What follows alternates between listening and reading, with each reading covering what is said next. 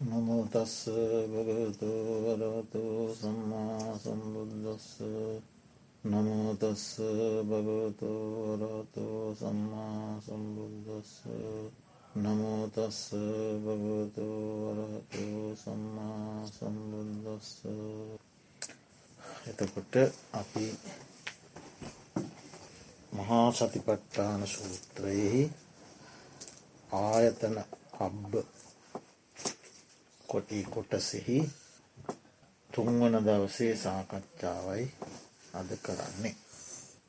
එතකොට මේ දේශනාවෙහි සඳහන් වෙනවා මහනිනි නැවතද දම්මානු පස්සනා භාවනාවක් දේශනා කරන්නෙමි.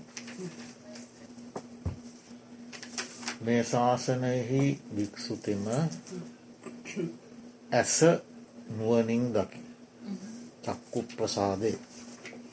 එමෙන්ම රූපය නුවනින් දකි. ඒ ඇස සහ රූප නිසා යම් සංයෝජනයක් උපදීද එයත් නුවනින් දකි. නූපන් සංයෝජනයන්ගේ යම් ඉපදීමක් වේද එයත් නුවනින් දකි. උපන් සංයෝජනයන්ගේ ප්‍රහාණයක් වේද එයත් නුවනින් දකි. ප්‍රහාණය වූ සංයෝජනයන්ගේ නැවත මතුනූපදීමක් වේද එයත් නුවනින් දකි. එතකොට දැන් අපි අනිකුත් සූත්‍ර දේශනා ඔස්සේ ආයතන සම්බන්ධව තිබෙන බොහෝ සූත්‍ර දේශනා සංයුක්ත නිකායේ සඳහන් වෙලා තිබෙන. අපි ඒව කීපයක් පෙර දවස්වලත් සහකච්ඡා කළා. කන්දක වග්ග ඊනඟට සලායතන වග්ග විශේෂයෙන් සලායතන වර්ගයි මේ ඉන්ද්‍රිය සම්බන්ධව බොහෝ දේශනා තියෙන. කන්දක වක්ගේ ස්කන්ධ සම්බන්ධවත් සලායතන වක්ගේ ආයතන සම්බන්ධව. එතකොට ඒවා පිළිබඳව අපි අවධානය යොමු කළොත් අපට පේනවා මේ නුවනින් දැකීම කියන කාරණයට අපිට ගන්න පුළුවන් අර්ථ. ඒ දේශනා තුළ තියෙන. ඒ තමා අනිත්‍යය වශයෙන් දැකීම. දුක් වශයෙන් දැකීම. අනාත්ම වශයෙන් දැකීම. මාගේ නොවේ මම නොවේ මාගේ ආත්මය නොවේ වශයෙන් දැකීම. විපරිනාම වශයෙන් දැකීම. නිබ්බිධානු පස්සනා වශයෙන් දැකීම. ආදීනව වශයෙන් දැකීම. ඔය ආදී නොයෙක් කරුණු. ඒ ආයතන පිළිබඳව සලායතන වක්ගෙන් අපිට ගන්න පුළුව. ඒ විදිහට දැකීම තමයි නුවනින් දැකීම. ආස්වාදය ආස්වාද වශයෙන් දැකීම නුනුවනින් දැකීම. ආස්වාද වශයෙන් දකිනවා ගැන නුවනින් තොරව දැකීම. තකොට ආදීනව වශයෙන් දැකීම ගැන නුවනින් දැකීම.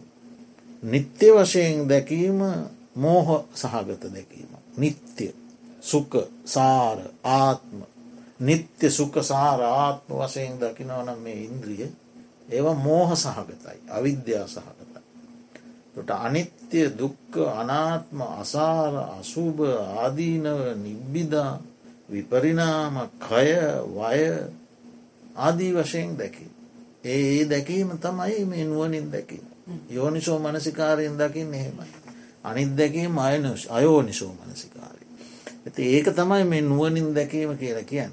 එක ආකාරයක් නෙමේ. විවිධ ආකාරයෙන් සලකා බලන්න පුළුවන් මේ.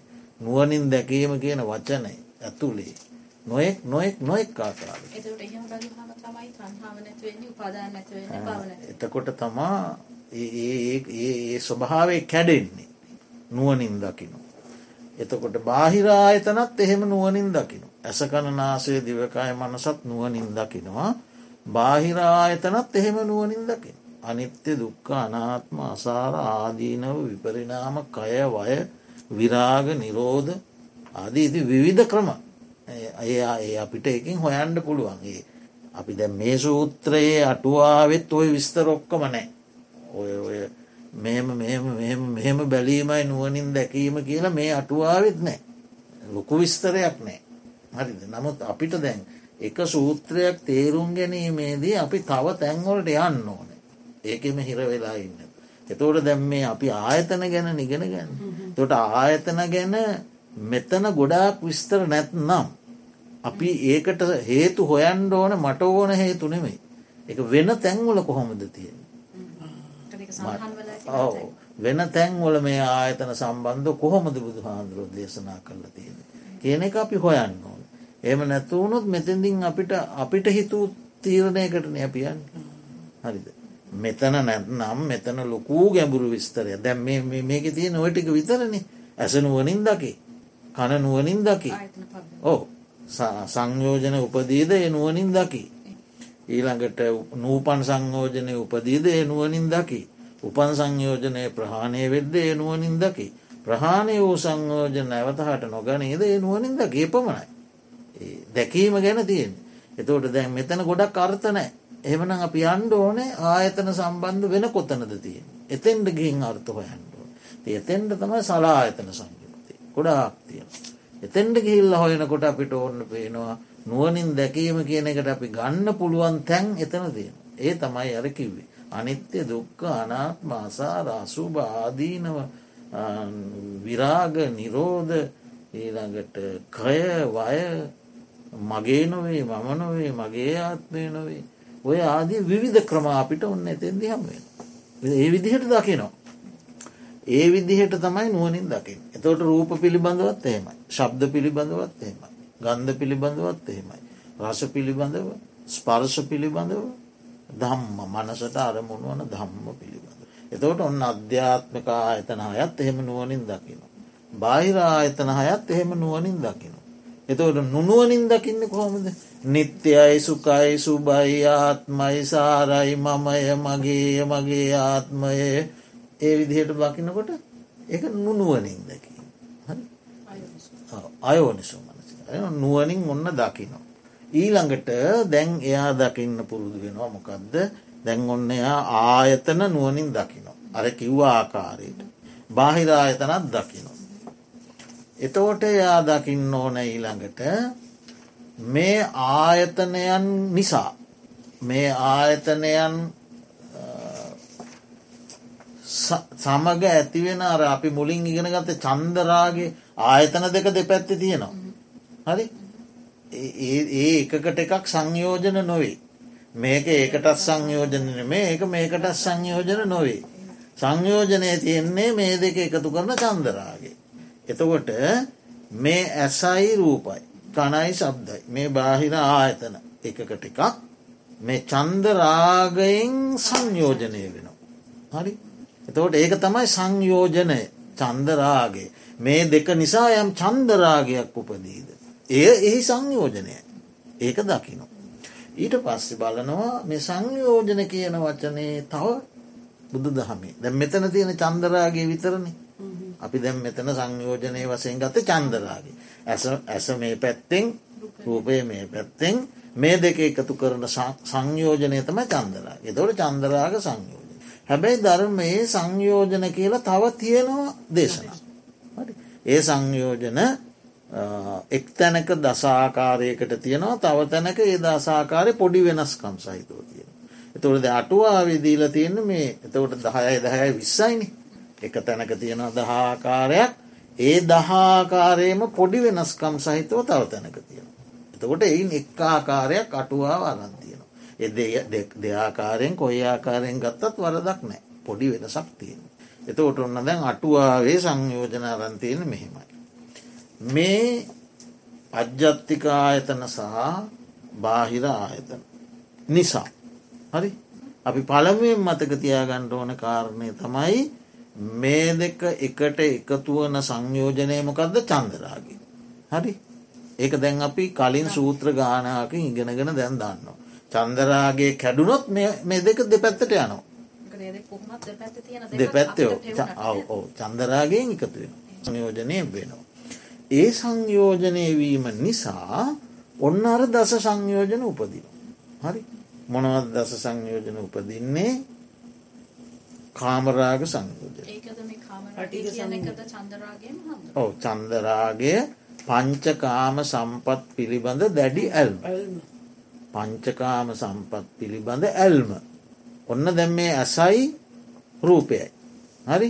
රූපය ප්‍රියනම් රූපය මනාපනං හරි?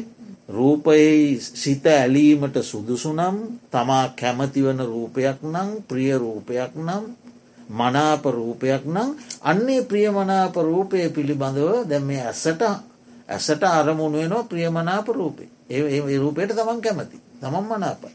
ඒත් එක්කම ඇතිවෙන්නේ ඒ රූපය පිළිබඳ කාමරාග ඒ ගැන රූපයට ඇල්ලුනා ඔන්න කාමරාග සංයෝජන ඇතිව හරි? ඊළඟට මේ රූපය අප්‍රියන අමනාපනං අමිහිරිනම් කැමති නැත්නම් මනාප නැත්නම් පාර්ථනා කරන්න නැත්නම් හරි? ඒ රූපයත් එක්ක මොකක්ද තියෙන්නේ? අන්න ගැටීම හෙවත් පටික සංයෝජනය මේ දෙක නිසා. ඇසයි රූප. අන්න එතකොට එතන පටික සංයෝජනය ඇතිව. ඊළඟට මේ ප්‍රිය වූ මනාප වූ රූපය මම ලබනෝ අනිකාමං වගේ ලබන්නේ. ඒක ලැබීමට මම වාසනාවන්තයි. අනිකාමාසේ ලබන්නෑ කියන මාන සංයෝජන ඇතිය හරි? එහෙම නැත්නං අනිත් අය ප්‍රියමනාප රූප ලබනවා.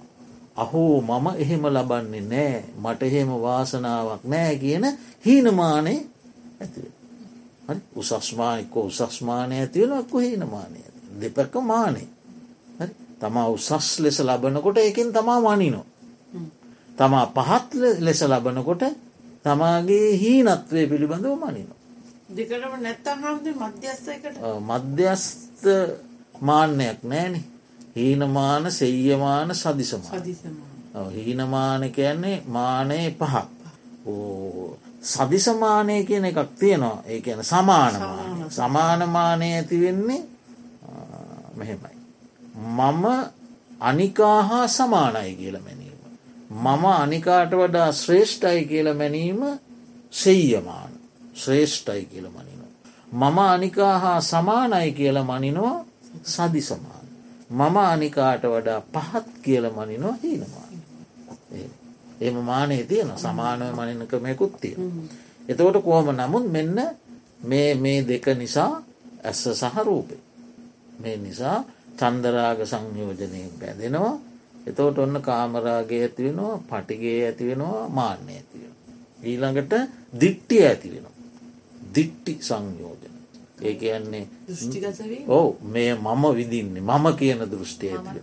මමත්වේ සක්කාය දිට්ටිය ඇතිවෙනවා. හරි මම මේ උසස් උසස් රූප ලබන්නෙක්මි කියෙන ඔන්න මම කියන දිස්ටිය ඇතිවෙන. ඊළඟට ඒ දෙට්ටිය ඇතිවෙන්න පුළුවන් මට මේ දෙවියන් වහන්සේ විසින් ලබා දෙන දෙයක්ය කියල හැම ඇතිවෙනවා. එක දෙවියන් වහන්සේ විසින් මට ලබා දුන් දෙයක්ය. ඊශ්වරයෙක් විසින් ලබා දුන් දෙයක්ය. බ්‍රහ්මයා විසින් ලබා දුන් දෙයක්ය. එකත් දිට්ටිගතවීම. එහෙම නැත්තං මේ ලබන සෑම සැප සම්පතක්ම මට ලැබෙන්නේ පෙර කළ හේතු පෙළ කර කර්ම හේතුවෙන් කියෙන පුබ්බේ කත හේතුවාදයටත් එන්න පුළුව. ඒකත් දිට්ටිය. සියල්ල මෙහෙම කියලා බුදුහාදුරු දේශනා කරන්නේ පේර පෙර කරන කර්ම නිසා ලැබෙන දේවලුත් තියෙනවා. සියල්ලම එතකොට එයා ඒ පුබ්බේ කත හේතුවාදයට උනත් එන්න පුළුව. මට මේ සියලූම ප්‍රිය බනාපරූප ලැබෙන්නේ. මා පෙර දෙවියන්ගේ කැමැත්ත මත කියන දිට්ටියට එන්නත් පුළුව. මේ සියල්ලම මට ලැබෙන්නේ පෙරකරපු කර්ම නිසායි. මේ සියලුම අග හිගකම් නැති බැරිකම් අප්‍රිය අමනාප සියලූම අප්‍රිය අමනාප සෑම රූපයක්ම මේ මට දකිින්ට ලැබිලා තියෙන්නේ මං පෙර කරපු කර්මයක් නිසා කියන ඒ අප්‍රියමන අප්‍රියමනාපදේ දකිනකොටත් එන්ඩ පුළුවන් ඒ දිට්ටි පුබ්බේ කත හේතුවාද ඔව් ඒ ඒක බුදුහාමුදුරුව දේශනා කළා ප්‍රධාන දෘෂ්ටි තුනක් විදිහට. බුදුහාමුදුරුව දේශනා කරන්නේවට තිත්තායතන කියලා. මහනෙනි තිත්තායතන තුනක් තියෙනවා. තිත්තායතන කියන තීර්ථකයන්ගේ ආයතන. මගේ නෙවෙයි. තීර්ථක ආයතන තුනක්. ඒ මනුවන්ද පුබ්බේ කත හේතුවාදය ඊශ්වර නිර්මාණවාදය අහේතු අපච්චේවාද. සියල්ල සිදුවන්නේ පෙරකරපු කරමෙන් කියනවනම් ඒක මගේ දේශනාවක් නෙමේ. ඒක තිත්තායතන. අතකොට සියලූම සැපදුක් මවන්නේ ඊශ්වරයෙක් විසින් කියනවන ඔය දේවාදී අගම් ඒක මගේ දහමක් නොවේ ඒක තීර්ථක දහම. සිදුවීම් සිදුවන්නේ හේතු පලවලින් තොරව අහේතු අපච්චය හේතුවක් නෑ ප්‍රත්තියක් නෑ ඔහේ සිද්ධ වෙනවා කියනවනම් ඒක මගේ දහමක් නොවේ ඒක තීර්ථක දහම. එතවට මේ ඔය ඕනෑම දිට්ටියකට එන්ඩ පුළුවන් දිට්ටිගත වෙනවා. එතවට මේ සංයෝජන නිසා මේ චන්දරාගයෙන් මේ අජ්ජත්තිකායතන සහ බාහිරායතනයන් අතර බැඳීම ඇති කරවලා ඒ තුළින් එනවා මෙන්න මේ සංයෝජනය. හැමෝටම මේ දහයම එනවා නෙමේ විවිධ විවිධ ආකාරයෙන් එන්න පුළුව. ඊළඟට විචිකිච්චා සංයෝජන එන්න පුළුවන්. සැකය. ඊළඟට සීලබ්බත පරාමාස සංයෝජන එන්න පුළුවන්. මේමා ලබන්නා වූ රූපාදී සම්පත්. මට මේ සීල බලයෙන් මතුමතුත් ලැබේවා කියන පාර්ථනා ඇතිව එළුවෙක් විදිහට කණ්ඩ පුළුවන්. ඊළඟට සුනකයෙක් විදිහට කණ්ඩ පුළුවන්. කටු ගහල එල්ලිලා යන්ඩ පුළුවන් හරිද ඔය විදිිය නොයෙකුත් සීලාදී ෘතවලට එන්න පුළුව සීලාදී වෘත ඒ සීලයින් නැවත නැවතත් ඒ ඒවා ලබන්නට ඇත් දෘෂ්ටිගත වෙන්න පුළුවන්. ඊළඟට බවරාග සංයෝජනය එන්න පුළුවන්. එක යන්නේ නැවත නැවත නැවත නැවතත් මම මේ මතු මතු භවවලදීත් මේ විදිහේ රූපාදී සම්පත් ලබම්වා කියන බව බවයෙහි නැවත නැවත හට ගැනීමේ බැඳීමේ කැමැත්. නෑ බවරාග සීලබ්බත සංයෝජන එක. බවරාග සංයෝජනය තව එක. බවරාග සංයෝජනයට අයිති කාම බව රූප බව අරූප බව. එකයන්නේ දැම් මේ අජ්ජත්තික ඉන්ද්‍රිය සහ බාහිර ඉන්ද්‍රිය සංයෝජනයන්ගෙන් බැඳීම නිසා චන්දරාගෙන් බැඳීම නිසා කැන රූපාදී අරමුණුවල බැඳෙනවා. සබ්ද ගන්ධ රස ස්පරසොල බැඳෙනවා. ඒ බැඳීම නිසා ඔන්න එනවා කාමරාගේනවා පටිගේනවා මාන්නේනවා දිට්ටියේනවා සැකය එනවා සීලබ්බත පරාමාශයක් එනවා. හරි ඊළඟට බවරාගෙන. එකන් නැවත නැවත නැවත නැවත මේ සම්පත්. කාම භවයක උපදමින් ලබන්න රූප භවයක උපදමින් ලබන්න අරූප භවයක උපදමින් ලබන්න ඇති කැමැත්. භවයෙහි ඇලිය. හරි නොල මේ සම්පත් අප්‍රිය අමනාප දේවල් මිහිරි විදිහට ලබන් නැති කෙනාටත් එනවා බවරාග කොහොම දෙන්නේ මේ ආත්මේ මන් දීලා නැති නිසා මට නෑ. ලබන ආත්මවත් ලබන්නා වූ අදහසින් ඒත් බවරාගේ තමයි. එතකොට එයා නිවන් දකිින්ට නෙමේ දැ පින්කම් කරන්නේ මේ ආත්මය නොලබූ සම්පත් ලබන ආත්මය ලබන්න ඒකත් බවරාගේ. ඒ එකත් බවරාගේ තෝට මේ මේ ඔක්කෝටම පදනම සකස් වෙන්න මෙතන. ඇස කණනාසේ දිවකය මනස රූප සබ්ද ගන්දරස ස්පර්ස සිතුව. මේවා අතර තියෙන මේවා අතර ඇතිවෙන මේ චන්දරාගෙන් ඇතිවෙන බැඳී. බැඳීම නිසා ඔන්නයි බවරාගේන. ඉලට ඊර්ෂාවෙනවා. ඉර්ෂයාවෙන්නේ තමන්ට වඩා අන්නයි ලබනවා දකිනකොට ඒ ලබනවාට අකමැති ශුරූප. ඒකත් එනවා. ඒක එන්නෙත් මේ ඉන්ද්‍රිය පදනම් කරගෙන. ඊළඟට මච්චරියනවා. මච්චර ගැන මසුරුකම. මාලබන සම්පත් අනිකා ලබනවාට අති අකමැත්ත සහ තමන්ගේ සම්පත් සඟවන ස්වභාව. තමන්ගේ සම්පත් සඟවනවා තවයට සාධාරණ වනවා දකිින්ට කැමතිනේ. පේනවානේ මේ ප්‍රජාතන්තුවාදය ගැන කතා කරන නායකත්වයක් අත්තර ගන්න කොච්චරම දුමිනිසුටනේ මච්චරිය සංයෝජන ඒකනවා. ඊළඟට අවිද්ද අවිද්ජා මේ සියල්හිම චතුරාර් සත්තේ යථාර්ථවාදියු නොදැක්ම අනවබෝධය අවිද්‍යා සංයෝජන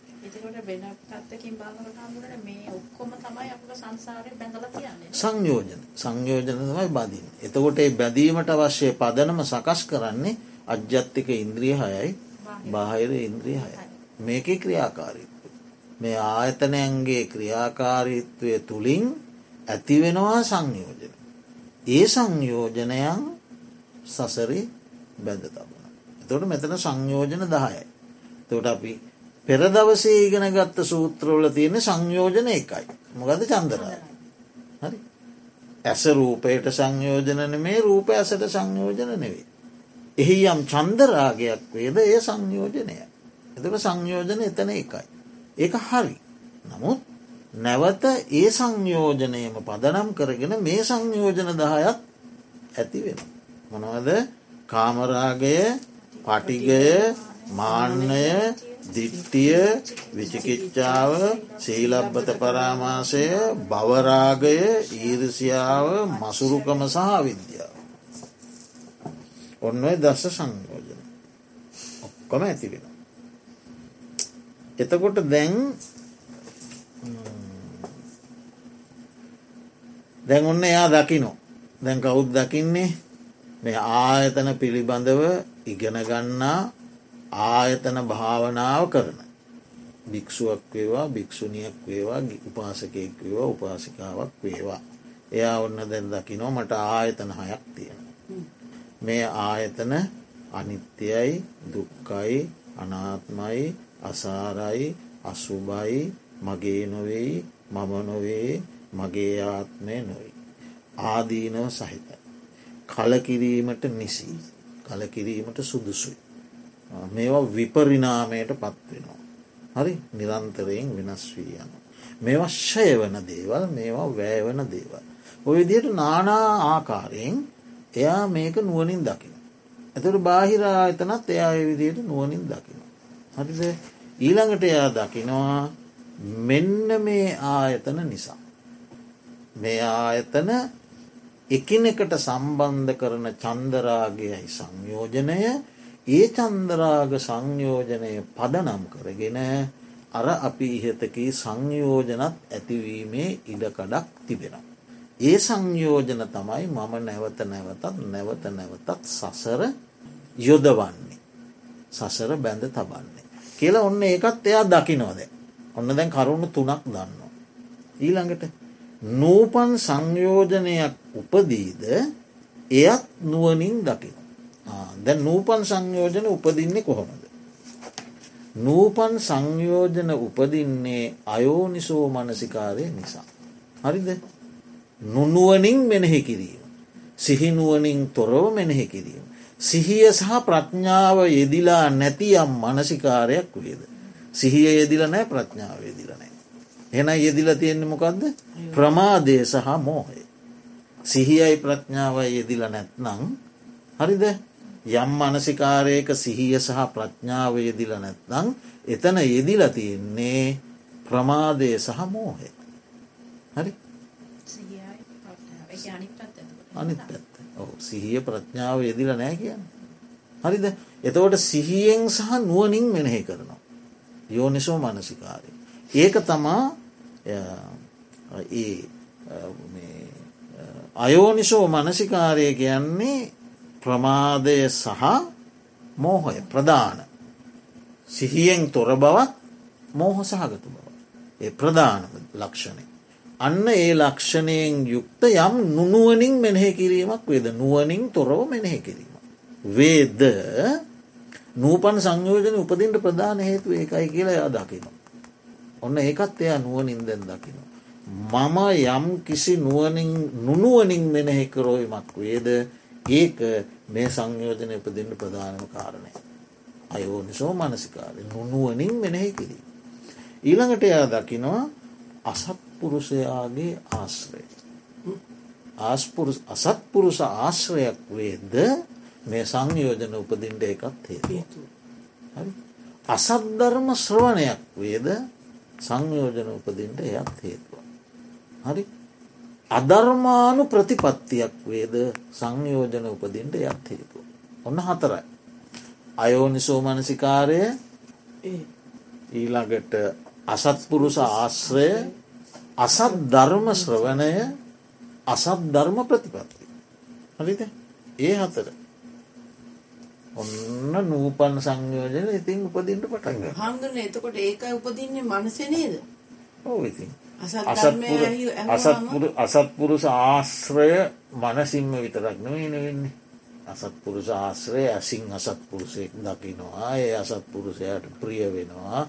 ඉට පසේ මනසිංගේ අසත්පුරුෂයාට මනසිං ප්‍රිය කරන්න පටන් ගන්නවා. එක ලොකු කතාවක්නේ එතන එතකොට මනෝ කර්ම ඔව් කාය වචී මනෝ ඔක්කොම ඇති වෙනවා ඉතින් අසත්පුරුෂයෙක් දකින එයාගේ බස ප්‍රිය කරනවා ඊට පස්සේ එයා ඇසුරට ඇලෙනවා ඇසුරට කැමතිනවා ට පසේ එයත් එක කතා බාස අල්ලාපේ දෙනවා එතකොට වචී කරුණු ටස එයාට එයා මනසිංහයා ප්‍රිය කරනකොට මනෝ කරුණු හරි එතකොට ක්‍රියා එතකොට ඒ ඔන්න දැන් එතන ගොඩ නැගෙනවා ලොකු සම්භාවියතාවයක් ගොඩ නැගෙනවා මොනවටද? සංයෝජනයෙන් උපදින්න. ඔන්න අසත් පුරු ශාස්ත්‍රය හරිද? ඊළඟට අයෝනිසු මනසිකාරය. නුනුවරින් තොරෝ මෙන එත එතෙන්දි නුවන එන්නේ නෑ ඔන්න දැ මෝහය පදනම් කරගෙන ඒ ආශ්‍රය සකස් වෙන නුනුවනින් මෙනය කරනවා. හරි? ඒ දේ ප්‍රිය කරනවා. ඉතින් ප්‍රිය සම්භාෂණයේ දෙනවා. බොහෝම ප්‍රිය මනාපෝ ඇලුම් කරනවා ඇතින් දැන් ඔන්න ඒ ටික ඒ යෝනි අයෝනිසෝ මනසිකාරයත් සකස් වෙනවා. ඊළඟට ඒ අසත්පුරු ශාශ්‍රය තුළින් තමන්ට අහන්ඩ ලැබෙන අසත් ධර්මය සැබෑ සද්ධර්මයන මේ අසත් ධර්මය අහන්ඩ ලැබෙන. හරි ඊළඟට අධර්මාවන ප්‍රතිපත්තියේදෙන කරුණු හතරයි. ඒ හතරෙන් නූපන් සංයෝජන උපදී. ඔන්න දැන් එයා දන්නවා දැන් ඔන්න දැන් ඔන්න ආයතනයන් පිළිබඳව ඉගෙන ගන්න භාවනා කරන ආයතනයන් වඩන කෙනා ඔන්න දැන් ඒකත් දැනගන්න. මොකදද තැන් ආයතන නුවනින් දැක්කා ඊළඟට සංයෝජන මේ මේ සංයෝජන මේ තුළින් උපදිනවා කියන එකත් දැක්කා සංයෝජන උපදින්ට හේතුවත් දැන් දන්න. හේතු හතරත් තියෙනවා. ඊළඟට මේ උපන්නා වූ සංයෝජනයන් ප්‍රහාණය වෙන්නටත් හේතුවත් තියෙන. නිකම් මගේ සංයෝජන ප්‍රහාණය වේවා ප්‍රහාණය වේවා කිවට ප්‍රහාණය වෙන්න ෑන එකට හේතුවත් තියෙන. මේක අනි සත්පුරුස ආශ්‍රය හරි යෝනිසෝ මනසිකාරය සද්ධර්මශ්‍රවනි ධර්මානු ධර්ම ප්‍රතිපදාව අතරයි. සත්පුරු ශාස්ත්‍රයෙන් මොකක්ද ලැබෙන වාසිය සද්ධර්මය හට ලැබෙන. හරිද ඒ දෙකම බාහිරින් ලැබෙන කරුණු දෙක. සත්පුරුෂය ආශ්‍රය බාහිර තියෙන දෙය. සද්ධර්මය ශ්‍රවණයත් ඒ බාහිරින් ලැබෙන දෙයක්නේ. ඊළඟ දෙක තමා හදාගන්න ඕන මොකක්ද යෝනිසෝ මනසිකාර. ඒ අසන ලද ධර්මයට අනුව නුවනින් මෙනෙහි කිරීමේ ක්‍රියාවලි. සහ ධර්මානු ධර්ම ප්‍රතිපත්තියේදී. අන්න එතවට මොකද වෙන්නේ. උපන් සංයෝජනයෝ ප්‍රහාණය වෙන්ඩ පටන්ගන්න. උපන් සංයෝජන ප්‍රහාණය දැන් එතකොට ඔන්න ආයතන පිළිබඳ දැන් ගොඩාක් දැනගෙනය වෙන කොටයක් හරි එයා දැන් ආයතන ගැන හොඳ අවබෝධයක් තියෙන. ඊට පස්සේ දැන් එයා දැනගන්නවා මේ ප්‍රහාණය වූ එතන ප්‍රහාණය වූ කියන යටපත් වූ තදංග වික්කම්බන මුළුමනින්ම ප්‍රහාණය වෙලා නෑ. නමුත් දැන් ධර්ම මාර්ගයේ හැසිරීම නිසා. සත්පුරුෂ ආශ්‍රය නිසා සද්ධර්මශ්‍රවනය නිසා යෝනිසෝ මනසිකාරය නිසා ධර්මානු ධර්ම ප්‍රතිපත්තිය යෙදීම නිසා.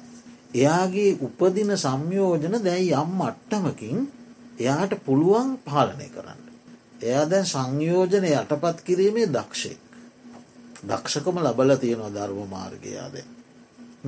තදංග වසයෙන් උත්තයා යටපත් කරගන්නවා සමාධී උපදෝමින් නීවරණ යටපත් කිරීමාදී වශයෙන් මෙවා යටපත් කරන්න එයාදැන් දක්ෂයි.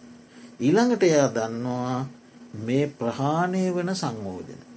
නැවත හට නොගන්නේ කොහොමද කියන කාරණයක් දන්න.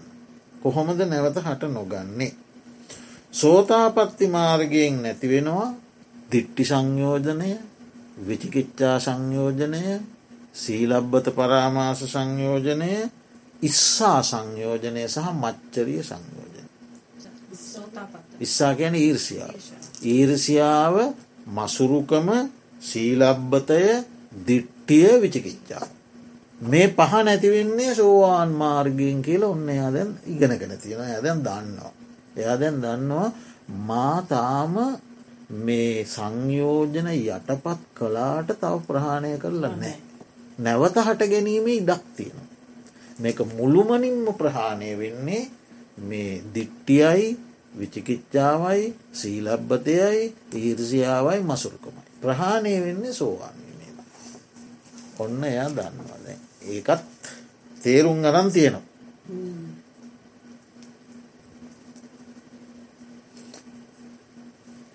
ඊට පස්සේ මේ ශ්‍රාවකය දන්නවා ඔය ධර්මය ඉගැන්වෙනවා සියුම් සහ ඕලාරික කියල වචන දෙයක්. වචන දෙකක්. හරිද අනුසහගත කියලත් කියන. අනුසහගත සහ ඕලාරික.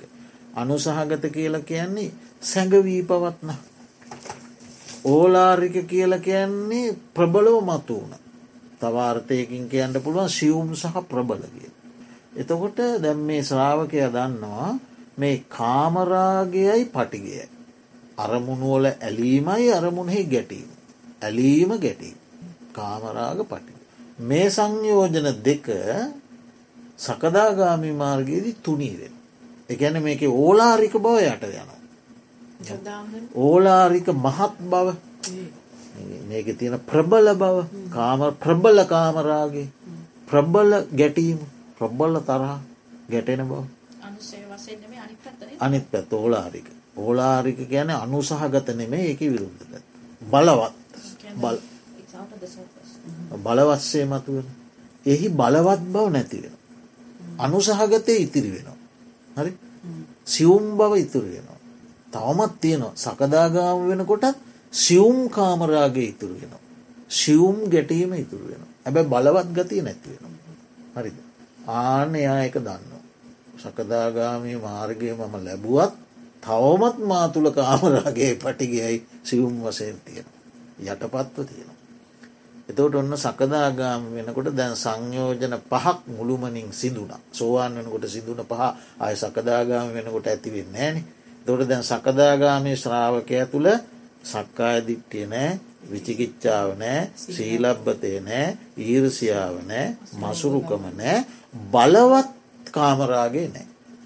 බලවත් පටිගේ නෑ. දැන් ඉතුරු වෙලා තියෙනවා සියුම් කාමරාගේ සියුම් පටිගේ. ඒ දෙක තියෙන. ඊළඟට මේ ශ්‍රාවකය දන්නවා අනාගාමී මාර්ගත් ඥානයෙන් අනුසහගත කාමරාගයත් අනුසහගත පටිගය. සියුම් වසයෙන් යටපත් වෙලා තියෙන කාමරාග පටිග දෙක සම්පූර්ණය නැතිය. මුළුමනින්ම නැතිවෙන අනාගාමී මාර්ගය. ඒ සංයෝජන දෙක අය කවදාකොත් හටගන්න. තෝට දැන් එයා දන්නවා මාළඟ මුළුමනින්ම සංයෝජන හතක් ප්‍රහාණය වෙලා. හතක් ප්‍රහාණය වෙලා. තව තියෙනවා තුනක්. සංයෝජන දහය. මානයයි බවරාගයයි අවිද්‍යාව. මානයයි බවරාගයයි අවිද්‍යාව. ඒ මේ සංයෝජන විස්තරය හැටියට මේ සංයෝජන විස්තරය වෙනයි තව විස්තරයක් තියෙනවා. මේ සංයෝජන විස්තරය හැටියට බවරාගයයි මානයයි අවිද්‍යාව. අරිහත් මාර්ගඥානය ඔමානය අවසානය දක්වා තියෙන. ඔය විග්‍රහ දෙකේදීම තියෙනවා. මානය තියෙනවා. ඔහු ඉතින් යන්තංකිවට සාමාන්‍ය මිනිසුන්ට වගේ නම් නෑ. නමුත් මානය තියෙනවා මම වෙමි මම වෙමි කියන මේ ඒක ඇයි ඔය කියන්නේ එක සූත්‍රයක කියන්නේ කේමක ස්වාමීන් වහන්සේ අපිරිසිදු වූ රෙදි ටිකක් වෙල්ලාවක දාලා හෝදලා ගැන සෝදන ද්‍රව්ය දාලා සම්පූර්ණයෙන් සෝදනවා එරෙදි. සෝදලා මේ ඒ රෙදි වේලලා ගන්න. ඇබැයි ඒක සබන් සුවඳ ඉතිරි වෙලාති. සෝදා වේලාගත්තත් සබන් සුවඳ ඉතිරි වෙලාති. ඒ වගේ කියනව මේ මම වෙමි කියන අස්මිමානයේ ස්වභාවය. හරිද එතකොට ඒ සබං සුවඳ ඉතිරිවී තියෙන රෙදිටික සුවඳ කරඩුවක බහලන. සුවඳ කරඩුවක බහලා තබලා ගත්තම ඒ සබන් සුවඳත් නැතිව ගිහිල්ල. අරහත් මාර්ගඥානයෙන් මම විමි කියන හැඟීමත් නැතිවෙලා හරි එතකොට මානයත් භවරාග සහවිද්‍ය ඒ සංයෝජන තුනම ප්‍රහාණය. ඔන්න ඔය ටික ආයතන පිළිබඳ ඉගෙන ගන්නට නැත්තා දැනගෙන දන්න අය. දැනගෙන ආයතන පරිහරණය කරනවා. ආයතන සම්බන්ධෝ ගණුදුනු කරන්න ඔය ටික දැනගෙන. ඔන්න ආයතන භාවනාව කරනවන ඔය ටික තමයි දැනගන්න තියෙන. ඔය ටික දැනගෙන ආයතන පරිහරණය කළොත් එයා ඔය ආයතන මුලාවෙන් ආයතන මුලාවෙන් මිදෙනවා. පුළුවන් පුළා මේක තනිකර විදර්ශනාව එයා ආයතන මුලාවෙන් මිදෙනවා. ඉතින් එකින් ප්‍රථමය ප්‍රථම පියවරේ තියෙන ආයතන මොනවද කියලා හඳුනා ගන්න එක. හරිද ඊට පසේවා අනිත්‍ය අරම මුලින් කිව්ව ආදී විදියට අනිත්‍ය දුක්කානාත්ම සාර අසුභ ආදීනව නිබ්බිධානු ඔය විදිහට බැලීම. ඒ ඒ විදිහට ක්‍රමානුකූලෝ ගියාම හරි. එතකොට දැන් සාමාන්‍යයෙන් ඔය පින්වතුන් දැන් භාවනා කරනකොට මෙනෙහි කරනවනේ දැක්කොත් ඔය පින්වතුන්ට කියල දීලා තියෙනවා මෙතෙක් භාවනා කියල දුන්න ස්වාමීන් වහන්සේලා කියල දීල ඇති දැක්ක හම මොකක්ද මෙනෙහි කරන්න කිය දැකීමක් දැකීමක් දැකීම. ඇසුනාම ඇසුනා ඇසුනා සිතෙනවනම් සිතෙනවා සිතෙනවා සිතෙනවා. හෙම මෙනෙහි කරන්න කියලා තියෙනවා. ඒක තුළ තියෙන්නේ මෙහෙමයි. දැකීම කියන එක මෙනෙහි කරනකොට එතන තියෙනවා ආයතන වශයෙන් ගත්තොත් හතරක් ක්‍රියාත්මක වෙනවා. ධාතු වශයෙන් ගත්තොත් හයක් ක්‍රියාත්මක වෙනවා. හරි නාමරූප වශයෙන් ගත්තොත් දෙකක් ක්‍රියාත්මක වෙනවා. චිත්ත චෛතසික රූප වශයෙන් ගත්තොත් තුනක් ක්‍රියාත්මක වෙන. ඉති ඒක දකිින් ඕන දකිනවා දකිනවා දකිනවා. දකිනවා දකින මොකක්ද දකිනවා කියන. මම රූපයක් දකිනවා කියලා කියන්නේ එතැන්දි තියෙන්නේ චක්කා එතනය තියෙනවා රූපායතනය තිය. මම යම් කිසි දෙයක් දකිනවා කියන්න චක්කායතනය රූපායත. හරිද. ඒ දැක්ම තුළ මනායතනය සහ දම්මායතනයත් සම්බන්ධ වෙන. ඒ දැක්මට මනස සම්බන්ධ නොවුණොත් දැක්මක් වෙන්නේ ඇස රූපය චක්කු විඤ්ඥාන. ඇස රූපය චක්කු විඤ්ඥාන. ඊට පස්සේ චක්කු සම්පස්ස. ඊට පස්සේ චක්කු සම්පස්සජ සුකවේදනා දුක්වේදනා උපේක්ෂාවේදන. ඇස රූපය. රූපයක් යැයි දැනීම විඤ්ඥාන. හරි ඇසෙහි විඤ්ඥානය. ඊට පස්සේ ඒ තුනහෙ එකතුව ස්පර්සය. ස්පර්ශය චක්කු සම්පස්ස. ඒ ස්පර්ශය නිසා ඇතිවෙන එක්ව සැපවේදනාවක් නැත්තන් දුක්වේදනාවක් නැත්තම් මධ්‍යස්ත වේදනා. තුනම එකට ඇතිවෙන්ඩ බෑ එකක් ඇතිවෙන. ඊට පස්සේ හඳුනා ගැන්මක් සංඥා. ඊට පස්සේ සංස්කාර චේතනා. ඊට පසේ ගැන විතක්ක හොඳ නරක ආදී වශයෙන් නානාවිද විතර්ක. හරි ඊළඟට ඒ ගැන මනසිකාර මෙනෙහි කිරීම. මහා ක්‍රියාවලියක්නේ. හරිද ඇසයි රූපයයි පදනං කරව මහා ක්‍රියාවලියක් ගොඩ නැගෙන. හරිද. ඒ මුළු ක්‍රියාවලිය ඇතුළෙ තියෙනවා ඇස්ස තියෙනවා. රූපය තියෙනවා. හරි මනස තියෙනවා සිතුවිලි තියෙන. එතනත් එතන චක්කු විඤ්ඥාන කියන මන විඤ්ඥානය නිසා ඇතිවෙන පස්ස වේදනා සංඥා ඔක්කොම දම්ම සිතුවිලි. නාම රූප දැන් එතන ඔන්න ආයතන හතර දකිනවා ගැන ආයතන හතරක ක්‍රියාකාරිත්ව. ඇසයි රූපයි මනසයි දම්මයි. ඇසයි රූපයි මනසයි දම්ම ඔකතම දකිනවා කිය. හරි? ඇස රූප මනස දම්. ඇසෙනවා දකිනවා ඒ බාහිර අධ්‍යත්තික ඒ හැමතිසම ඇතිවෙන්නේ ඒ හතරමට හමුද ඇහෙනවා කිව්වහම එතකොට නයි ශබ්දයයි ආ ඒ හතර තම කන ශබ්ද. මනස දම් නාසය. ගන්ධ නෑ නාසය ගඳ සුවඳ. මනස දම් දිව රස මනස දම්ම කය පහස මනස දම්ම ආයතන හතර වැඩ කර මනෝ දම්ම කියන එක නැති මනෝ දම්මම තම හරි? එතෝට ඒ ආයතන හතරක ක්‍රියාකාරිත. ඒක දැන් සූත්‍රපිටක අරම් බැලුවොත් මෙහෙමනේ වෙන්නේ ඇස රූප විඤ්ඥානය ස්පර්ස වේදනා තන්හා උපාදාන බව ආදී දේවල්. එම නැත්තං ඇස රූප විඤ්ඥානය. ඉස්පර්ශ වේදනා සංඥා චේතනා මනසිකාරය. හරි තව යනකොට තන්හා උපාදාන බව ජාති ජරා මරණ ඔක්කොම ද සකස් වන මේ තුළේ ඇහෙම් පටන් ගන්න. ඇහැරූප හරි ඇහැරූප විඤ්ඥාන ස්පර්ශ වේදන දන්න උපාදාන බව ජාති ජරා මරණ සෝක පරිදේව දුක් දුම්නස්. හරි ආයෙත් මෙතන භවයෙන් මේ භවය කියන තැන කර්ම සකස් වුනාන් උපත්ති බව කම්ම බව විපාක බව. එතන කර්ම සකස් වුනා කර්ම විපාක කර්ම විපාක. ආපහු මෙතනින් සිදෙන්න ආයෙත් ඕන් ආය උපතකට යන ආයෙත් ඇස රූප ඔහොම ඔහොම චක්‍රයක් නෙවේ. මෙතන ඉන්දමයි නවත්තන්න. දැක්මක්. දැක්ක ඉවරයි. හැබැයි ඉතින් මේක ඉතින් තේරුම් ගණ්ඩෝන මේ දැක්ම තුළ මේ හතර වැඩ කර ඇස රූප මනස දම්. ඇස රූප මනස දම්. හරි? ඊට පස්සේ තව බුදුහාමුදුරුව මේ හතරම තවත් විභජනය කරලා. එකන තවත් සරල් ලෙස තවත් සරල ලෙස බෙදල පෙන්නනවා මෙතන තියෙනවා ධාතු වසයෙන් ගත්තොත් හයක්. මොනවද චක්කු ධාතු ඇස රූපධාතු හරි චක්කු විඤ්ඥාන ධාතු. චක්කු ධාතු රූපධාතු චක්කු විඤ්ඥාන ධාතු. ඇස රූපය සහ විඤ්ඥානය. ඒට සම්බන්ධ වනා මන දම්ම සහ මනෝවිඤ්ඥානද. මන දම්ම මනෝවිඤ්ඥානද. ධාතු හයයි. ආයතන වසයෙන් ගත්තොත් හතරයි. දකිනවා ගැන ආයතන හතරක්. හතරක ක්‍රියාකාරී.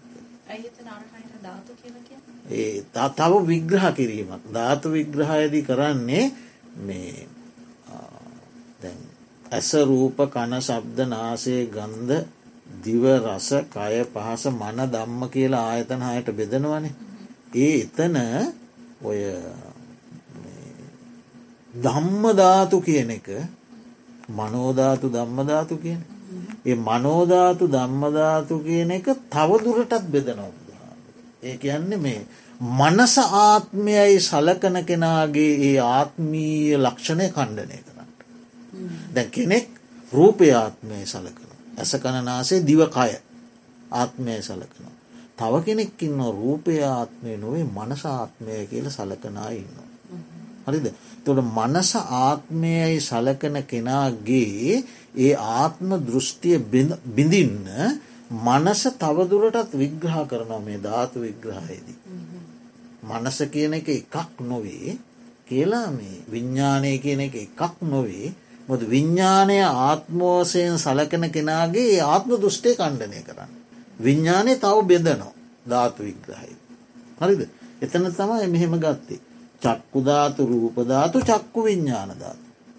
සෝතධාතු සද්ධධාතු සෝත විඤ්ඥානධාතු. ගානධාතු ගන්ධධාතු ගාන විඤ්ඥානධාතු. ජිව්හාධාතු රසජාතු ජිව්හා විඤ්ඥානධාතු. කායධාතු පොට්ටබ්බධාතු කාය විඤ්ඥානධාතු. මනෝධාතු ධම්මධාතු මනෝවිඤ්ඥාන ධාතු. හරිද දැන් එතකොට අර ආයතන විග්‍රහයදී මේ විඤ්ඥාන ගොඩාක් කතාවක් නෑන විඤ්ඥාන කතා ගොඩාක් නෑ එතන මනායතන දම්මායතන විතරයි තියෙන. එතවට දැම් මෙතනදී මේ ධාතු විග්‍රහයදී මේ මනායතන දම්මායතනය කියන එක තව මේ විඤ්ඥාන ගොඩාක් එක්ක සම්බන්ධ කර බෙදනවා. ඒකයි ආත්ම දෘෂ්ටිය කණ්ඩනය කර. එතකොට දැන් අපි දකිනවා කියල කියන්නේ ධාතුන් හයක්. චක්කුධාතු රූපධාතු චක්කු විඤ්ඥාන ධාතු. මනෝධාතු ධම්මධාතු මනෝවිඤ්ඥාන ධාතු හයයි. අහනවා කියනෙත් එහෙම තම. අහනවා කියන්නේ සෝතධාතු සද්ධ ධාතු සෝත විඤ්ඥාන ධාතු. මනෝධාතු ධම්මධාතු මනෝවිඤ්ඥාන ධාතු. එතකොට දකිනවා අහනවා නාසයට ගඳ සුවඳ දැනෙනවා දිවට රස දැනෙනවා කායට පහස ලබනවා මනසින් සිතුවිලි ලබනවා කියන්නේ ඔය ධාතු හයක් ධාතු හය ආයතන නම් හතර. නාම රූප වසයෙන් ගත්තුත් දෙකක්. දකිනවා ගැන නාම රූප දෙක. අහනවා ගැන නාම රූප දෙක. ගඳ සුවඳ ලබනවා කියන්නේ නාම රූප දෙක. දිව රස ලබනවා කියන්නේ නාම රූප දෙක. නාම රූප දෙක. එතට අභිධර්ම විග්‍රහයදී චිත්ත චෛතසික රූපයන්ගේ කියාකාරී. දකිනවා මම රූපයක් දැක්කා. චිත්ත චෛතසික රූප. ඔව් මම රූපයක් දැක්ක. ඇස රූප දකින රූපයත් රූප ඒ දෙකම රූප.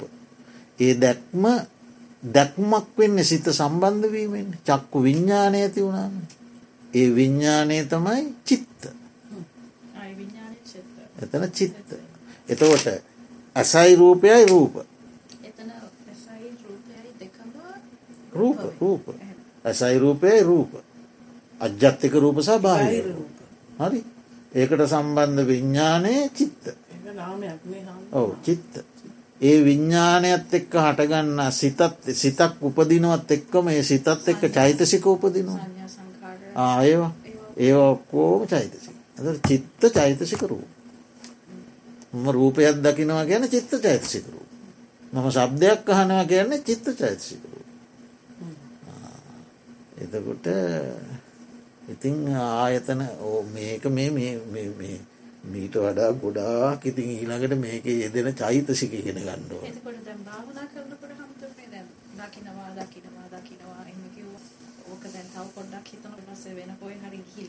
ඔව් නෑ දැකීම මෙනෙහි කරනකොට ඒ කලක් ඒක පුරුදු වුණාම එයා ආයතන පිළිබඳවත් ඉගෙන ගැන තියෙනකොට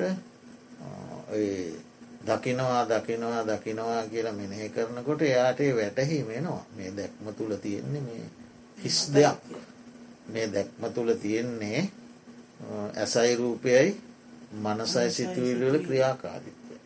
මෙතන ආත්මයක් පුද්ගලයෙක් නිත්‍ය දෙයක් නෑ. මෙතන තියෙන්නේ ඇසරූප සහ මනස සිතුවිල්වල ක්‍රියාත්මක වීම. කියන එක දකින.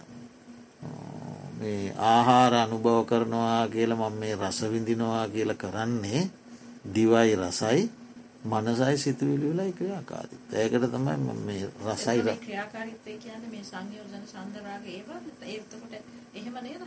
ඕ ඔහු දැන්ගේ ඇසයි රූපයි මනසයි දම්මයි අතර ක්‍රියාකාරීත්වයක් කියන්නේ එතන මනස එතන දම්ම කියලා කියන්න මේ සංයෝජන තම මේ දම්ම කියන්නේ සංයෝජන. ඇස රූප. මනස යෙදුනා දම්ම නම් වූ සංයෝජන හටගත්ත. දෙයක් මේ වෙන්න කියන එක ඉතින් එයා මේ දකිනකොට අහනකොට රස විඳිනකොට ගඳ සුවඳ දැනෙනකොට ස්පර්ශ ලබනකොට ඒ වැටහීම ඉතින් ක්‍රමාණුකූලෝ භාවනා කරගෙන යන්නකොට දම්ම විචය සම්බෝජ්ජන්ගේ කියන්නේ එකට තමයි. දම්ම විචය සම්බෝජ්ජන්ගේ කියන්නේ. දහම තමා නුවනින් දකිින් දෙපේ. මොකාක්වත් දකින්න ඇතු ඉඳගෙනදීම භාවනාවක් නෙමෙයි. ඇග හිරිවට්ටවා ගැනීමන්න නෙවෙනි භාවනාව කියන්නේ. නේද.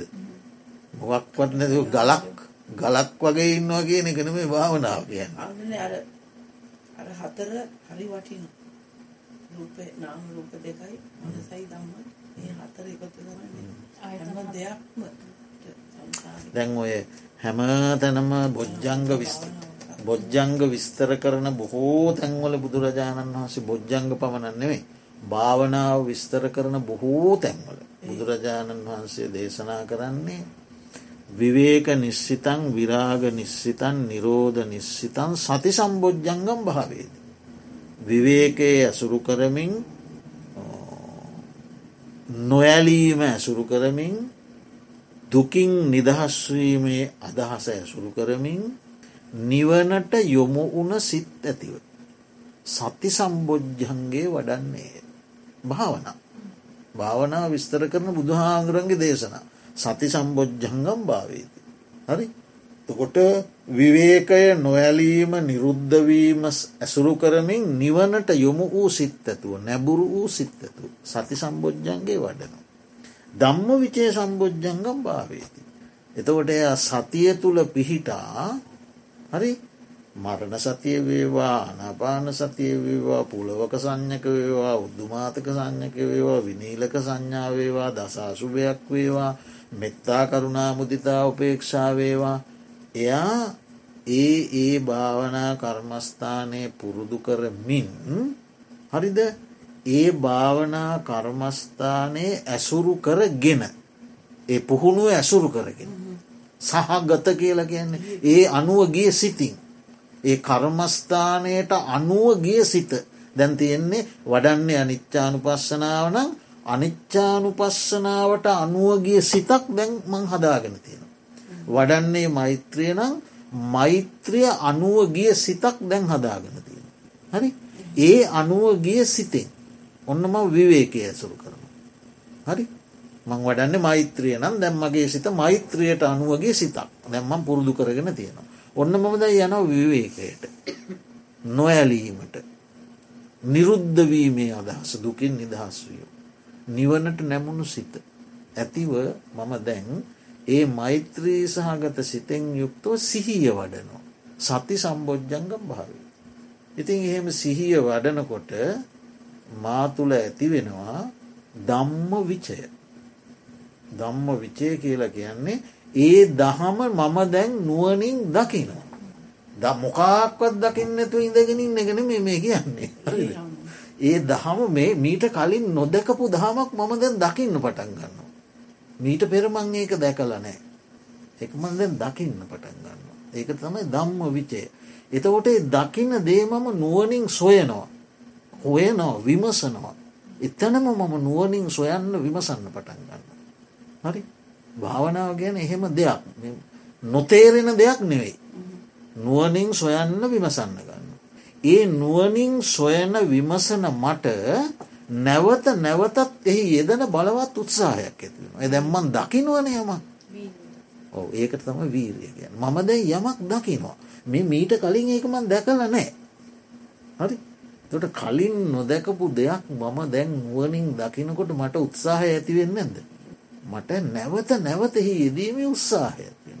ඒ උත්සාහයට වීරය කිය. ඊට පස්සෙ මං ඒ උත්සාහය නැවත නැවත සොයනවා.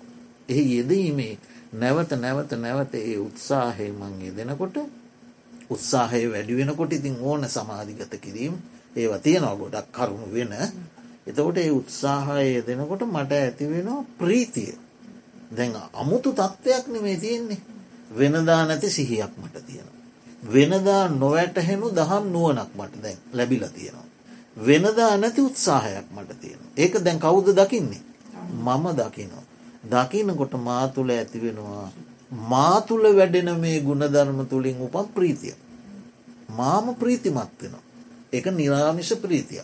ඒ මා දකිනවා මේ ප්‍රීතිය මම මේ ජීවිත කාලයේ කොච්චරනම් බවබෝග සම්පත් ධන සම්පත් කම් සැප විඳීම් මොලින් එකකින්වත් මට ලැබිලනෑ මෙහෙම නම් ප්‍රීතියක්. කියලා එයා දකින්න පටන් ගන්න. ඒ ප්‍රීතිය මට කිසි දවසක වෙන කිසිම දෙයකින් ලැබිල නෑ කියනක එයා දකිනෝ. එතවට දකිනකොට එයාගේ චිත්ත චෛතසිකයන්ගේ ඇතිවෙනවා සංසිදුන ස්වභාවයක් සැහැල්ල ස්වභාවයක් සංසිදීම පස්සන්ති. ඒ සංසිදීම නිසා තමයි සිතේ ඇතිවෙන සමාධී. හරි ඊට පස්සෙ තමයි උපේක්ෂා. ඉතින් බුදුහාමුදුරුවයි බොජ්ජංග කියන හත්ත තමයි බොහෝ තැන්වලදී සබ්භාසව සූත්‍රය තියෙන්නේ. භාවනාගෙන භාවනා ගැන කියනකොට බොජ්ජංග තමයි බොහෝ දුරට කතා කරලා තියෙන්නේ වැඩෙන්ට ඕනෑ දේවල් වශයෙන්. එතකොට ඒ නිසා දැ මේවා මෙහෙම කළොත් කියන්න මේ ආයතනයන් පිළිබඳ නුවනින් දැනගෙන භාවනා කළොත් ඒ කරන කෙනාට මේවා වැටහෙනවා. හරිද මේ මෙතන තියෙන මෙහෙම දෙයක්. මෙතන තියෙන මෙහෙම දෙයක්. මං මේ දකිනවා කියන්න මෙහෙම දෙයක්. එතකොට මං මේ මුළු ජීවිත කාලයේ දකිනවා කිය කිය කොරලා තියෙන මෙන්න මේ වැඩක්. මගේ හැයි රූපය මනසය සිතුවලි ක්‍රියාත්මක වීමකට තමයි මම මේ අවිද්‍යා සහගතව මමය මාගේ මාගේ ආත්මය කියල රැවටිට හිටිය. කියන අවබෝධය තුළින් තමයි එයා යන්නේ. එතකොට මේකම යාට චතුරාර්ග ශක්තියට අවබෝධයට උපකාරුවෙන මේ ආයතන මේක මහා ගැඹුරු මාතෘකාව. ඊට වස මේක තියෙනවා ඉට පස මේක චෛතසික දැම් මෙතන මේ දම්ම කියන වචනය තියෙනවා. දම්මායතන නැතන් ධම්ම ධාතු කියන දම්මායතන ධම්මධාතු දෙකේම තියෙන චෛතසික. එතකොට දැන් එතෙන්දී ඉතින් අපිට මේක කතා කරලා ගොඩාක් කල් කතා කරන්න ඕනද ගැන දැ ඇසයි රූපයයි. එකක් අපි අරංගල් ඇසයි රූපයයි චන්දරාගයයි සංයෝජන වුණා. ඊට පස්සේ දැන් රූපය ප්‍රියයි මනාපයි. රූපය ප්‍රියයි මනාපයි. ප්‍රියයි මනාපනං මට ඇතිවෙන කාමරාගේ. හරි එතකොට ඒක ලෝබසාගත සිතක්. කාමරාග කියන ලෝබසාගත සිතක්. හරි එතකොට ලෝබ සහගත සිතේ යෙදෙන දම්මයෝ මොනවද ඒක යෙදෙන චෛතසික ලෝබ සහගත සිතේ දවේශ සහගත සිතේ යෙදෙන චෛතසික වෙනයි ලෝබ සහගත සිතේ යෙදෙන චෛතසික වෙනයි මාන්‍යය යෙදෙන චෛතසික වෙනයි එතකොට දැ ඇස රූපය රූපය ප්‍රියමනාපයි ඇති වුණා දැම් දෙක බැඳුනා චන්දරාග චන්දරාග නිසා ඔන්න කාමරාග සංග කාමරාකයන් ලෝබ ලෝබසිත. ඔන්න ලෝබසිතක සබ්බ චිත්ත සාධාරණ චෛතසික හතම යෙදෙනවා. සියලුම සිතක යෙදෙන චෛතසිකත් යෙදෙනවා. ඊට අමතරව ලෝබසිතේ යෙදෙන අකුසල චෛතසිකත් යෙදෙනවා. ඒ අකුසල චෛතසිකයි සබ්භචිත්ත සාධාරණ චෛතසිකය තමයි එතන දම්ම කියන්න. දම්මා එතන. එතකොට අප්‍රියයි අමනාපයි රූපය ප්‍රියමනාප නෑ එතෝට ඇතිවෙන පටික සිත. පටික සිත කියන්න දවේශ සිත. හරි තෝ දේශ සිත යනු කුමක්ද. දවේශ සිතේ දෙන චෛතසික මොනවද. එතෝට දවේශ සිතේ දෙන චෛතසික තම එතන දම්ම කියන්න. හරිද. කාමරාග සංයෝජන ඇති වෙනකොට වෙන දම්ම කොට සත්ේ ලෝබ සිතයි දවේශත එකට එකට ඒ දෙන්නේ. එතකොට ලෝබ සිතේ ඇතිවෙන චෛතසික වෙනයි. එතකොට දම්මායතන කියන මාතෘකාව එතන්දි කතා කරන්න ඕන ඒ කාමරාග සංයෝජනයට අදාලෝ ලෝබ සිතත් එක්. පටික සංයෝජනයේදී දම්ම කියන එක කතා කරන්න ඕන දවේශ සිතත් එක්. පැහැදිලිද. ඉති ඒක නිසා මේක මහ පුළුල් මාතෘකාව. එච්චර ගැඹුරට යායුතු නැහැ. නමුත් ධර්මදරයකුට ඒ ගැඹුරු හොඳයි. එයා එහෙම හොයලා විමසලා එයාට එතුළින් ලොකුවා මේකක් ලබන්න පුළුවන්. ධර්මදරයෙක් එහෙම හොයල විමසලා තව කියල දෙනවනම් ඒත් හොඳයි නරක නෑ නමුත් අපිට අර මූලික මූලික අධ්‍යයනයට මූලික දැනීමට මේටික ප්‍රමාණවා මෙතන අජ්‍යත්තික ආයත හැත් තියෙන මෙතන බාහිරා එතන හයක් තියෙනවා චන්දරාග සංයෝජනයෙන් බැඳෙනවා ඒ බැඳීම නිසා දස සංයෝජනය උපදිනවා. ඒ දස සංයෝජනය උපදිනේවා නොහටගත්තේවා උපදිනවා මේ හේතු හතර නිසා. අසත්පුරු ශාස්ත්‍රයාදී හේතු අතරන. ඒවා ප්‍රහාණය වෙනවා සත්පුරු ශාස්ත්‍රයාදී මේ හේතු නිසා. ඒ ප්‍රහාණය වුණේවා මේ මේ මාර්ගයන්ගෙන් මාර්ගඥානයන්ගේ මුළුමනින්ම නැතිවෙලා යන. එතකොට මේ ආයතන ක්‍රියාකාරයුත්වය පුරාවටම තියෙන්නේ ආයතන හතරක් ධාතු හයක් නාම රූප දෙකක් චිත්ත චෛතසික රූප ක්‍රියාවලිය. ඒ ක්‍රියාවලි එක එක වෙන වෙනම දකින්න පුළුව. ඇගන්නේ කෙනෙකුට පුළුවන් තමන් ඒ භාවනාව කරන ගමන් තමන් අසන දකින හැම දෙයක්ම අභිධර්මයට අනුව මෙතන තියෙන චිත්ත චෛතසිකුරු මෙතන තියෙන චිත්ත ඔක්කොම ඔක්කොම චිත්ත චෛතසිකුරු සේරු පරමාර්ථ ලෝකෝත්තර ධර්ම හැරුණකොට. හාමුදුරන ඒක තම මහිතන් බුදුරජාණන් වහන්සේ අරකිවේ දැක්කානම් දැක්කා විතරක්. ඒ එතන කියන අතහරින්ට කිය දැක්ක අතහැරු හරි. එක අතහැරීමේ කියන්නේ. එතකොට මේ සෑම ක්‍රියාව ලෝකෝත්තර භූමියයට අයත් නොවන ලෞකික ජීවිතයේ සෑම ක්‍රියාවලියක මොකද ලෝකෝත්තර දේවල් විදර්ශනාවට ගන්න හැනි. තොට ලෞකික ජීවිතයේ හෑම ක්‍රියාවලියකම තියෙන චිත්ත චෛතසික රූප. හරි? එතකොට කෙනෙකුට පුළුවන් මේ ආයතනයගේ ක්‍රියාකාරිත්වයත් එක්ක චිත්ත චෛතසික රූප වශයෙන් බලා දකිනවා චිත්ත චෛසික රූපය. අහනවා. චිත්ත චෛසික රූපය. රසවිඳනවා චිත්ත චෛතසික රූප. එහෙම කෙනෙකුට බලන්න. කෙනෙකුට පුළුවන් නාම රූප වශයෙන් බලන්න. කෙනෙකුට නාමරූපවලට වඩා ලේසිවෙන්ට පුළුවන් චිත්ත චෛතසික රූප. තව කෙනෙකුට චිත්ත චෛතසික රූපයන්ට වඩා ලේසිවෙන්ට පුළුවන් නාමරූප එය නාමරූප වශයෙන්. තව කෙනෙකුට ලේසිවෙන්ට පුළුව ආයතන හතරක් වසයෙන් බැ. තව කෙනෙකුට ලේසි වෙන්න පුළුවන් ධාතු හයක් වසයෙන් බැ. විශේෂයෙන් විඤ්ඥානය ආත්මය ගන්නායට ධාතු වසයෙන් බැලීම යෝග්‍යයි. බුදු බුදුහාන්දුරුව දේශනා කළා මේ කලක් තියෙනවායයි පේන. තියෙනවායි පේනවන. ද මගේ පේන්නේ මේ හැටයි මාස දෙකක් විතර මේ තියෙනවායි කියලා පේනීමක්වත් තියෙනවා නිතර වෙනස් වුනාට තියෙනවා කියලා පෙනීමත් තියෙනවා. ඒ පෙනෙන රූපය මම මගේ ඒ ගත්තත් කමක්න ගණ්ඩ එපා. බුදුහාමරු දේශනා කරනවා. එසේ ගන්නේ නමුත් මේ විඤ්ඥානය නම් එහෙමත් ගණ්ඩ බෑකි විඤ්ඥානය කියන එක මේ ශනයින් යුරයි නමුත් මේ අන්ද බාල පෘතක් ජනය විඤ්ඥානය ආත්ම වසයෙන් ගන්න විඤ්ඥානයක් නිකං හේතු රහිතව උපදින්නේ ඇසයි රූපයි නිසා විඤ්ඥාන කණයි ශබ්දයි නිසා විඤ්ඥාන නාසය ගඳ සුවඳයි නිසා විඤ්ඥානය දිවයි රසයි නිසා විඤ්ඥානය කයයි පහසයි නිසා විඤ්ඥානය මනසයි සිතුවිලි නිසා විඤ්ඥාන එතකොට ඇසත්ත නිත්‍යය රූපයත්ත නිත්‍යය ඇති විඤ්ඥානය නිත්‍ය වෙන්න කොහොම ඒකත් අනිත්‍ය ඒ විදිහටන ඉති ඒ නිසා ඒ විඤ්ඥානය නිත්‍ය ආත්ම වශයෙන් ගන්න කෙනෙකුට ධාතු විග්‍රහය වඩා හොඳයි. ඒ ඒ පැත්තට වඩා නෑබුරු ඉතින් ඔහොම තමයි. ඉතින් අපි මේක මේ දේශනාව තව ඉතින් බොහෝ ඉස්සරහට යන්න පුළුවන්. නමුත් ඉතින් අපි එච්චර අපිට අවශ්‍ය නෑ. චෛතසික විග්‍රහයන් කතා කරන්න වෙන. ඒ නිසා දැන් අපි බලමු. බුදුරජාණන් වහන්සේ දේශනා කළා මේ සූත්‍රය සංයුක්තනිකාය සූත්‍රයක් මේ බාහිරා අයතන හය හරියට ගම් පහරණ සොරුම් වගේ. ගම් පහරණ සොරු. ගං කොල්ල කණ්ඩෙන්න්න සොරු. ඒ කියන්නේ මේ අධ්‍යාත්මික ජීවිතයට බලවත්සේ අධ්‍යාත්මික ජීවිත බලවත්සේ වෙහෙසට පත් කරවුණු බාහිර ආයත රූප ශබ්ද ගන්දරස ස්පර්ශ සිතුවී ඒ නිසා ගම් පහරණ සොරමුව කොහෙද තියෙන්නේ? තියෙන්නේ ආශි විශෝපම සූත්‍රය මතක හැටියට. ඊළඟට බුදුරජාණන් වහන්සේ දේශනා කරනවා මේ බාහිරා එතන හය. තුඹසක් ජලාශයක් නෑ අධ්‍යාත්මික ආයතනය සර්ප කිඹුල් උකුසු සුනක හිවල් වඳුරු. එම සූත්‍රඇත්තිය ඇයි බුදුරජාණන් වහන්සේ දේශනා කරන්නේ? වෙන වෙන ගොදුරු ගන්නා සත්තු හය දෙනෙක්කින් ඒකදි දේශ ඔව්. ඒකෙදි දේශනා කරන්නේ සර්පයෙක් කිබුලෙක් උකුස්සෙක් සුනකයෙක් හිවලෙක් වඳුරේ අධ්‍යාත්මික ආයතනයි.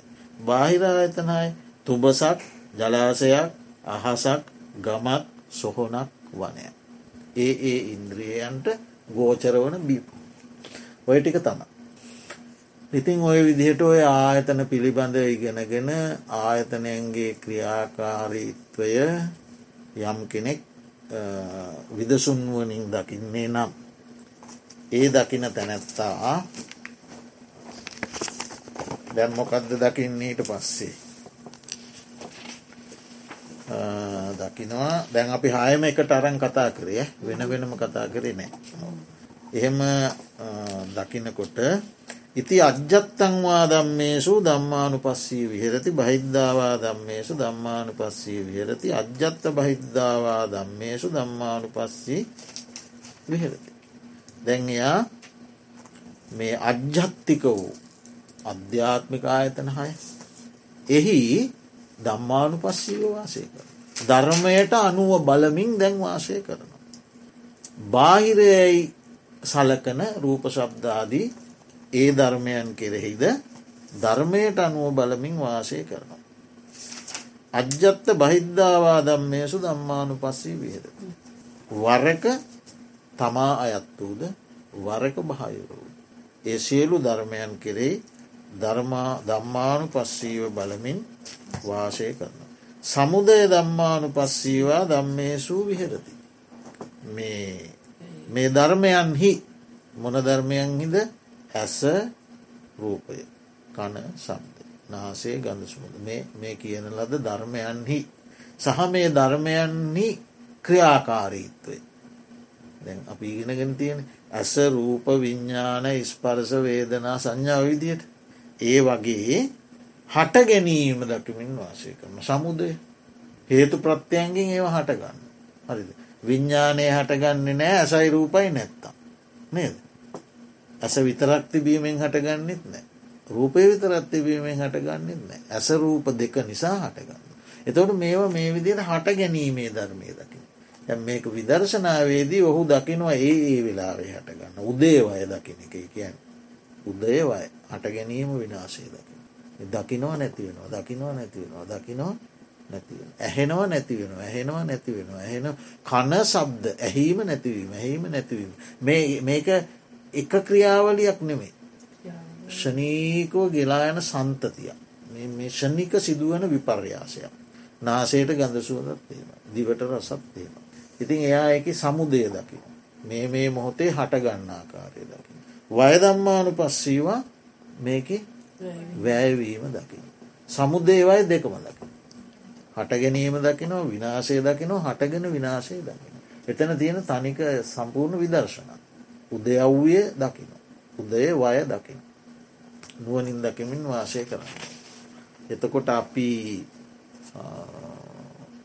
මම දකිනවා මම ආහනවා මම ගඳ සුවඳ දන්නෙනවා මට ගඳ සුවඳ දැනෙනවා මම රස ලබනවා කියන ඒ මමත්වය බොහෝ දුරට කැඩි කැඩී යනවා. තකොට එයා ඒ අනුසාරයෙන් අතීතය බලනු. අතීතයමන් කොපමණ දැකළ ඇද්ද පෝමොකක් කන්නේ. ඒ ඒ හැම තැනම දැක්කා නැති වුණා දැක්කා නැති වුණා දැක්කා නැති වුණ. හිතා බලා මෙපමණයි කියලා කිරා තීරණය කරන්න බැරිතරම් මං රූප දෙක්ක මොකුත් දෙන්නේ. දැක්ක නැති වුණ. ඇය අතීතයේ අනුසාරයමුත් බලනවා. දැන් දකිනේ අතාර්ථය යනු අතීතය බලනය මොකුත් නෑ. අතීතයමන් සබ්ද ඇහුව. දැම් මෙයා සබ්දය උදේවය දකිනවා. මේ අහනුව නැතිවෙනවා අහනුව නැතිවෙන අහනුව නැතිවෙන හරි? එතවට මං මේ විදිහටම අතීතයේ අප්‍රමාණ සබ්දැව්වා ඔක්කොම මේ උදේවාය සමුදේවාය දෙකට යටත්ව නැතිව ගිය. අනාගතයේ පැවැත්මක් තියෙනවනම් ඒ පැවැත්මේ දිං ලැබෙන ප්‍රතිඵලයක් මෙපමණ තමයි කියලා අනාගතයක් බලන අතීත වර්තමාන අනාග එතකොට ඒ විදියට සමුදේවය දැක්කම අත්ති දම්මාතිවා පනස්ස සතිපච්චු පට්ටිතා හෝ. ඉට පස්මකක්දය දකින්නේ? අධ්‍යාත්මික සහ බාහිර ආයතනයන් නිසා හටගෙන වෙනස් වී යන්නා වූ හේතුූන් නිසා හටගෙන වෙනස් වී යන ආයතන ධර්ම නම් වූ දෙයක් තිබෙනවා. හරි අත්ති දම්මාතිව අත්ති දම්මාතිව පනස්ස සති පච්චු පට්ටිතා හෝත්. එවිට අභ්‍යන්තර බාහිර ආයතන නම් වූ ධර්මයන් තිබේයයි අභ්‍යන්තර බාහිතර ආයතන නම් වූ ධර්මයන් කෙරේ යොමු කළ සිහිය බලවත්ව පිහිටන්නේ. එකින් කියන්නේ දැන් ඔහු දකිනවා ද මේ වෙනකොට ඔහු මොකක්ද දැකලා තියෙන්නේ? අනිත්‍ය දැකලා. සමුදේ දැකලා. වය දැකලා. හරි? සංයෝජන හටගන්න ආකාරය දැකලා. මේ මේ ක්‍රියාකාරිත්වය තුළ. එතවට දැන් එයා දකින්නේ ෂණයක් පාසා වෙනස්විමින් යන හේතුන්ගෙන් හටගත්තා වූ ආයතන ක්‍රියාකාරීත්වයක් තියෙන. කියන සිහිය යාට පිට. හරි? එතකොට දැන් අර නිත්‍ය සංඥාහැම හොඟක් නිත්‍ය සංඥාහැම හොඟක් යට පත්වෙලාද. ආත්ම සංඥා නිත්‍ය සංඥා යට පත්වෙලා වෙනස්වමින් යන ආයතන සමූහයක් තියෙනවා ගෙන සිහිය පිහිටනවා. යාවදේව ඥානමත්තාය පතිශ්සති මත්තාය. ඒ සිහිය ඔහුට මතුමත්තෙහි නුවන වැඩීම පිණිසත් සිහිය වැඩීම පිණිසක් පවතින. ඒ ගැන්මකද. දැම් මේ ලබාගන්නා වූ සමුදේවාය පිළිබඳ දැනුම ඒ තුළ පිහිට සිහිය ඔහුට මතු මතු ඥාන මාර්ගඥානාදී මේ දැන් මේ වෙනකොට ඉන්න විදර්ශනාමට. ඒවා මතු ඥාන මාර්ගඥානාදිය ලබා ගැනීම පිණිසත් බලවත් වූ සිහියේ දියුණුව පිණිසක් අනිශ්සිතෝච විහෙරති නචකින්චි ලෝකයේ උපාදීති. ඒ මතුමත්හේ ඥාන සිහිය වැඩුනට පස්සේ ඔහු මේ ලෝකයේ කිසිවක් මමය මාගේ මාගේ ආත්මය වශයෙන් නොගැන කිසිම දෙයක් තෘෂ්ණා වශයෙන් හෝ මම මගේ කියන දෘෂ්ටි වශයෙන් හෝ අල්ලා නොගෙන වාසය කරන කෙනෙක් වෙන. ඒ ඇන කවුද ඔව රහතන් වහන්සේ නමක් බවට පත්. එතකට මේ ආයතනයන්ගෙන් අරිහත්වයට යන මාර්ගය කිය. ඊට පස්සේ වූ දකිනවා අනිත්‍ය දුක්ක අනාත්ම වූ අශාර වූ නිරන්තරයෙන් වෙනස් වන්නා වූ ආයතන ධර්ම සමූහයක් තියෙනවා. මෙහි මමය මාගේ මාගේ ආත්මයයි ගතයුතු කිසිවක් නොවේ. මෙය තුළ තියෙන්නේ හේතුන්ගෙන් හටගත් ධර්මතා සමූහයක් ඒවා සෑම මොහොතකම වෙනස්වීම පවතින දේවල් කියලා සිහිය වැඩිලා නුවන වැඩිලා මත මතු මත්තෙහි මාර්ගඥාන වැඩිලා තෘෂ්ණා නිස්සේ දෘෂ්ටි නිස්සේ දෙකෙන්මත් මිදිලා ලෝකයේ කිසිවක් උපාදාන වසයෙන් නොගෙන උපාදාන නෑ. උපාදාන වසයෙන් නොගෙන වාසය කරනකොට කර්මනෑ ක්‍රියාතියෙන් කර්මනෑ සංස්කාරණය සංස්කාර රැස්වීමත් නෑ එතකොට කර්ම නෑනෙ ක්‍රියා තියනවා. ක්‍රියාසිත් උපදින ඒවා කෙලෙස් එක්ක සම්බන්ධයක් නෑ. එතකොට කම්ම බව නැති නිසා විපාක බවත් නෑ. ඒ බව නැති නිසා නැවත හට ගැනීමකුත් නෑ. ජාතිත් නෑ. ඇදෝට එයා සියල්ලෙන් මිදුනා අවිද්‍යාවක් කොහොමත්න එතකට රහත් වෙනකොට ඒ ඔක්කෝම දැම් මුළු සංයෝජන පද්ධතියම ගිලිහිලා ගිහිල්ලා සිදිල ගිහිල්ලා බිදිල ගිහිල්ලා. ඒ නිසා ඉතිං ඒ රහතන් වහන්සේලා කිසිවක් තන්හා දෘෂ්ටි වශයෙන් අල්ලා නොගෙන මරණයට කැමතිත් නෑ ජීවත් වෙන්න කැමතිත් නෑ. මරණය ප්‍රාර්ථනා කරන්න නෑ. මධ්‍යස්තු ඉන්න උපේක්ෂක. සියලු සංයෝජනයන් බිඳ දමා වාසය කරනවා. හැබැයි ඉතිං වරින් වඩ ඉතින් සති සම්පජන්නේ පවත්වමින් සමාපත්තිවලට සමගඳමින් දිට්ට දම්ම සුක විහරණය ලබමින් වැඩවාසය කර.